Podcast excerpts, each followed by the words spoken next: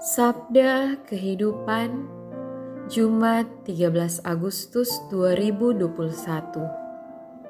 Matius pasal 19 ayat 5 sampai 6 Dan firmannya Sebab itu laki-laki akan meninggalkan ayah dan ibunya dan bersatu dengan istrinya sehingga keduanya itu menjadi satu daging.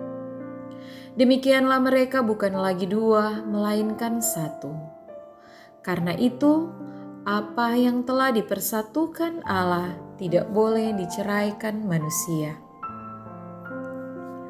Atas pertanyaan orang-orang Farisi mengenai perceraian, Yesus mengajak mereka untuk kembali pada hakikat perkawinan, yakni kesatuan cinta suami istri sebagai anugerah Allah untuk membahagiakan mereka selamanya.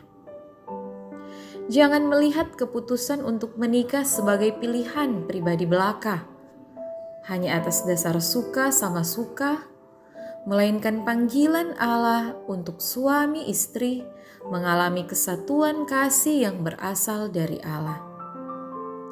Bukan hanya bersifat kodrati karena keinginan daging, tapi untuk mengalami kasih Allah yakni saling menyempurnakan dalam memberi diri, saling setia dalam suka dan duka, dalam keadaan sehat maupun sakit, serta saling mengampuni dan bekerja sama dalam cinta. Ketika Allah menganugerahkan anak-anak sebagai buah kasih suami istri, kasih Allah berlanjut dan kini dialami oleh putra-putri mereka. Demikianlah kasih sayang Allah kepada umatnya menjadi warisan orang tua bagi anak-anaknya. Panggilan dan perutusan ini sungguh luhur dan mulia.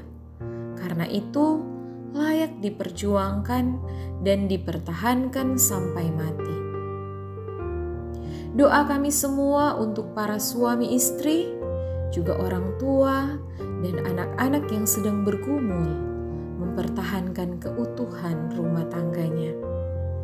Jangan menyerah, bila Yesus ada dalam bahtera rumah tangga kita, ia pasti menolong menjadi pemersatu dan penjaga yang setia. Selamat hari Jumat, Tuhan Yesus memberkati. Pastor Revitano PR